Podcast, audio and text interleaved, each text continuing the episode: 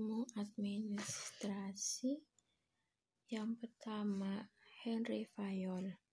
Pengalaman dan penelitian Henry Fayol dalam mengembangkan ilmu administrasi upaya yang dilakukan oleh Henry Fayol dalam usaha menyelamatkan industri pertambangan yang mengalami kemunduran.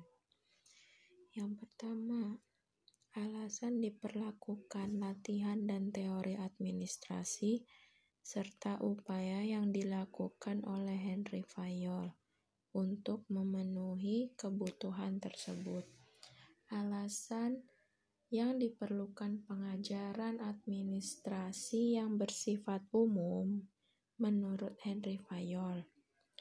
Alasan Henry Fayol mengajukan latihan pengadministrasian untuk sebagai jabatan